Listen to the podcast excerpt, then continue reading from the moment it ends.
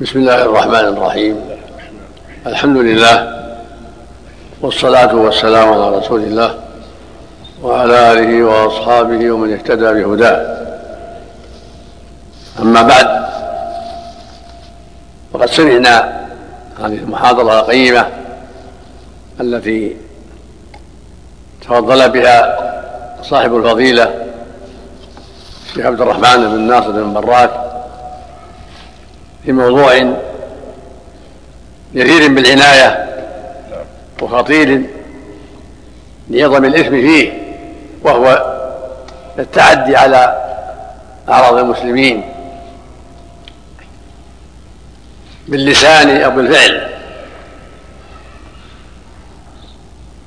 وقد أجاد وأفاد وأوضح ما ينبغي إيضاحه في هذا المقام العظيم من حرمة العدوان على الأعراض قولا وفعلا وعظم الخطر في ذلك وبيان النتائج السيئة الخطيرة المترتبة على هذا العدوان.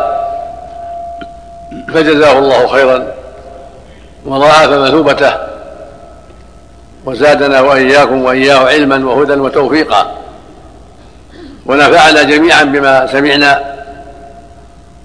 لا ريب أن ذكره فضيلته في هذا المقام هو الحق وأن الواجب على كل مسلم ومسلمة الحذر من العدوان على أعراض المسلمين بالغيبة أو غيرها من أنواع العدوان القولي والفعلي فالمسلم أخو المسلم. لا يظلمه ولا يسلمه ولا يخذله ولا يكذبه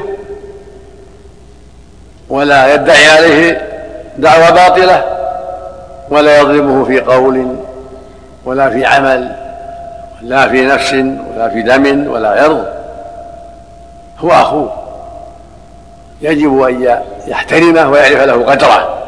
وأن ينصفه من نفسه وأن يتعاون معه على البر والتقوى وأن يتواصى معه بالحق والصبر عليه كما أمر الله بذلك ومدح أهل ذلك. يقول عز وجل إنما الإخوة فأصلحوا بين أخويكم. فالله أخبر أن المؤمن إخوة والأخ يحترم أخاه ولا يظلمه ويؤدي حقه.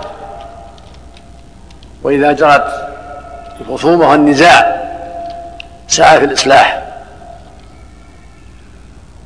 لا بالظلم والعدوان بل يسعى بالإصلاح ويتواصى بالحق والصبر عليه ويتعاون مع إخوانه على البر والتقوى. هذا هو الواجب على المسلم والمسلمة على الرجال والنساء. عربا وعجما. يجب على الجميع أن يتقوا الله وأن يتعاونوا بالبر والتقوى. لا على الظلم والعدوان. ولهذا يقول سبحانه وتعاونوا على البر والتقوى ولا تعاونوا على الإثم والعدوان. واتقوا الله إن الله شديد العقاب. فبين سبحانه أن الواجب التعاون على البر والتقوى. والبر والتقوى هو طاعة الله ورسوله. وأداء الفرائض وترك المحارم. ومن البر إكرامك أخاك والإحسان إليه وأداء حقوقه كاملة واتقاء ما يضره. والحذر من التعاون على الإثم والعدوان في حق أخيك وجه الأخص وفي حق كل أحد. لا يجوز ابدا التعاون على الاثم والعدوان لا في حق صديق ولا في عدو ولا في حق اخ ولا غيره. قال تعالى ولا يجرمنكم شنآن قوم على ان لا تعدلوا اعدلوا وأقربوا للتقوى. قال تعالى يا أيها الذين آمنوا كونوا قوابين بالقسط شهداء لله ولو على أنفسكم أو الوالدين والأقربين. الآية نعم. اللهم رب هذه الدعوة التامة والصلاة القائمة. آت محمدا الوسيلة والفضيلة. وابعثه مقاما محمود الذي وعدته إنك لا تخلف الميعاد. هذا المقام مثل ما تقدم شناعته معروفة. وشره عظيم وهو الوقوع في أعراض الناس والعدوان عليهم وما يترتب عليه من الشرور الكثيرة والشحناء والعداوة والبغضاء التي قد تفضي إلى ما ما هو أكبر من ذلك من القتال والمضاربات وغير ذلك.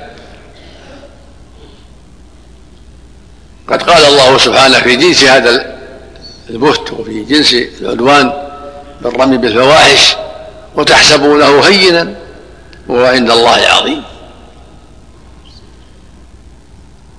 هو يجر إلى شر كثير وإلى الشحنة بين المسلمين والتباغض والواجب عليهم ضد ذلك وهو التعاون بالبر والتقوى وعلى كل ما يجلب المحبة والتعاون على الخير.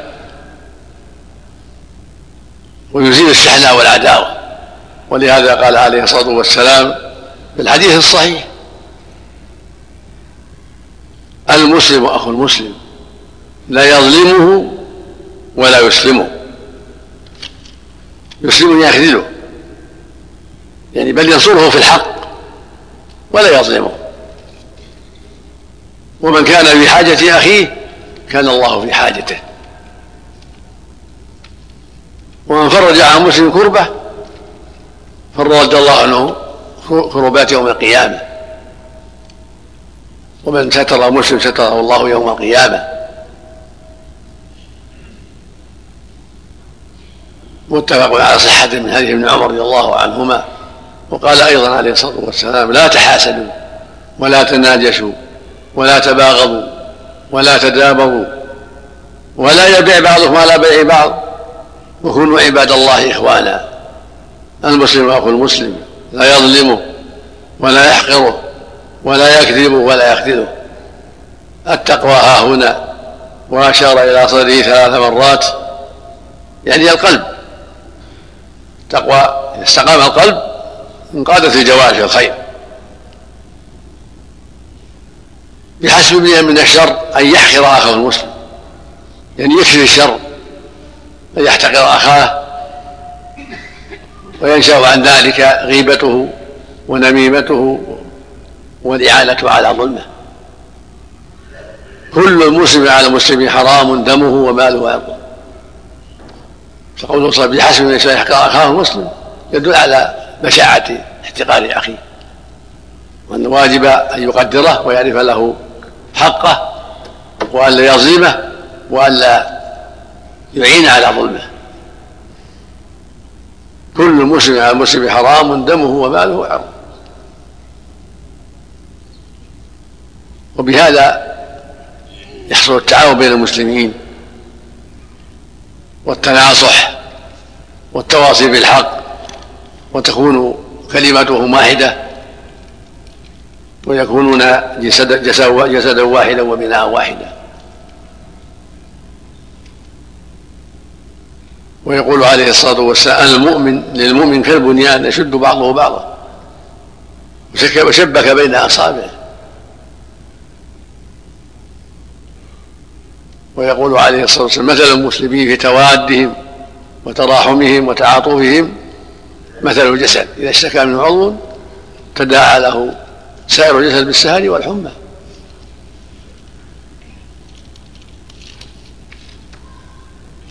ويقول صلى الله عليه وسلم من نفس عن من كربة من كرب الدنيا نفس الله عنه كربة من كرب يوم القيامة. ومن يسر على معسر يسر الله عنه الدنيا والآخرة. ومن ستر مسلما ستره الله في الدنيا والآخرة. والله في عون العبد ما كان العبد في عون أخيه. فالواجب على المسلمين ذكورا وإناثا. عامة ومسؤولين. يجب على الجميع التعاون البر والتقوى والتواصي بما أوصى الله به من الاستقامة على الحق والتعاون على البر والتقوى والتواصي بالحق والصبر عليه مع مع القيام بما أمر الله به من النصيحة والتعاون على الخير والأمر بالمعروف والنهي عن المنكر بالأسلوب الحسن لا بالغيبة والنميمة وبالموعظة الحسنة والجدال بالتي أحسن عن علم وعن بصيرة ورفق الهدف حصول الخير وزوال الشر.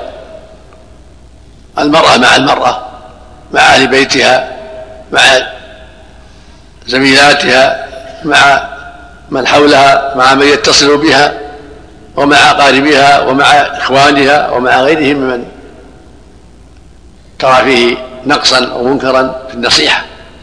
والرجل كذلك مع أهله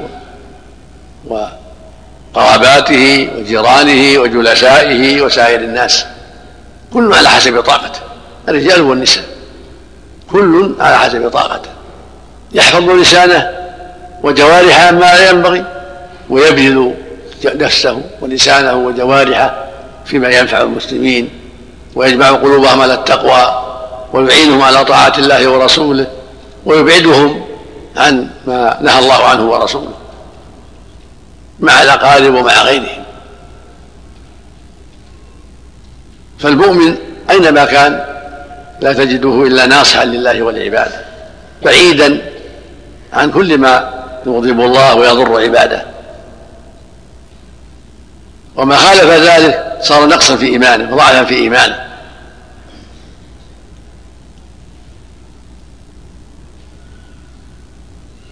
ومن المصائب أن كثيرا من الناس يستلذ الغيبة ويراها فاكهة في المجالس يستردها ويستطيبها ويرتع فيها.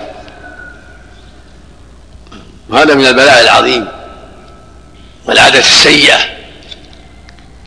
فيجب الحذر منها والتحذير منها وأن تكون المجالس معمورة بالتواصي بالحق بذكر الله بالمحادثة النافعة والكلام الطيب فيما ينفع الحاضرين ولا, يضرهم وأن يكونوا بعيدين عن كل ما يغضب الله من غيبة أو نميمة أو غير هذا مما يغضب الله عز وجل.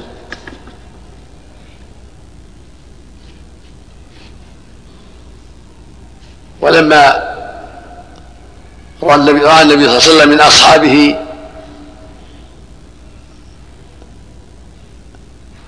ميلا إلى جلوس الطرقات؟ قال إياكم وجلوس الطرقات.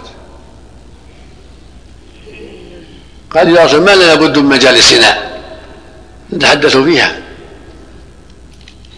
قال أما إذا أبيتم يعني لا بد من مجلس فأتوا الطريق حقه. قالوا وما حقه يا رسول الله؟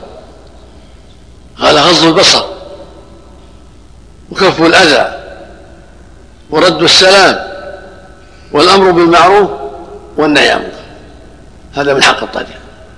إذا كنت في الطريق أو على حافة الطريق وجالسا أو واقفا فأعط الطريق حقه. لا تجعل موقفك محل أذى للمسلمين بالغيبة والنميمة أو غيرها من أنواع الأذى. بل اجعل موقفك موقفا نافعا مفيدا. بكف الأذى ورد السلام والأمر بالمعروف والنهي عن المنكر والنهي عن المنكر وغض البصر. هكذا يكون المؤمن في مجالسه. لا يؤذي بل ينفع. والله سبحانه يقول والذين يؤذون المؤمنين والمؤمنات بغير ما اكتسبوا وقد احتملوا بهتانا وإثما مبينا. ويقول صلى الله عليه وسلم من ضار مسلم ضاره الله ومن شق على مسلم شق الله عليه. ويقول النبي صلى الله عليه وسلم أيضا اللهم من ولي من أمر أمتي شيئا فرفق به فارفق به اللهم من وجد نعم من أمر يوم شيء من نعم أمر امه شيء شق عليه فشق عليه.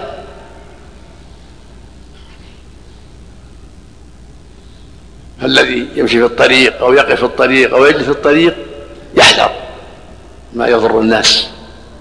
وعليه أن يغض بصره حتى لا يقع في الباطل. وأن يكف الأذى.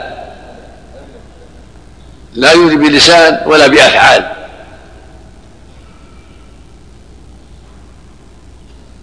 وأن يرد السلام وأن يأمر بالمعروف وينهى عن المنكر بالطريقة التي رسمها الله لعباده باليد ثم اللسان ثم القلب كل على حسب طاقته.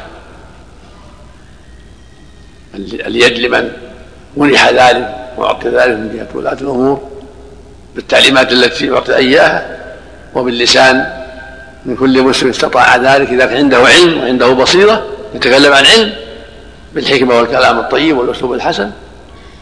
والعجز وعند العجز بالقلب يكره المنكر ولا يرضى به ويبغضه ولا يجالس يجلس معهم عليه بل إذا رأى المنكر غادر المكان ولم وهو لا يستطيع إنكاره غادره وتركه.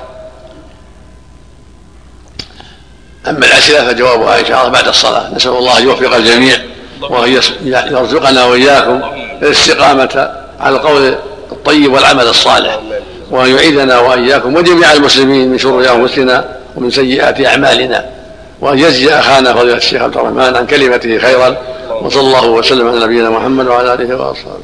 جزاكم الله خيرا.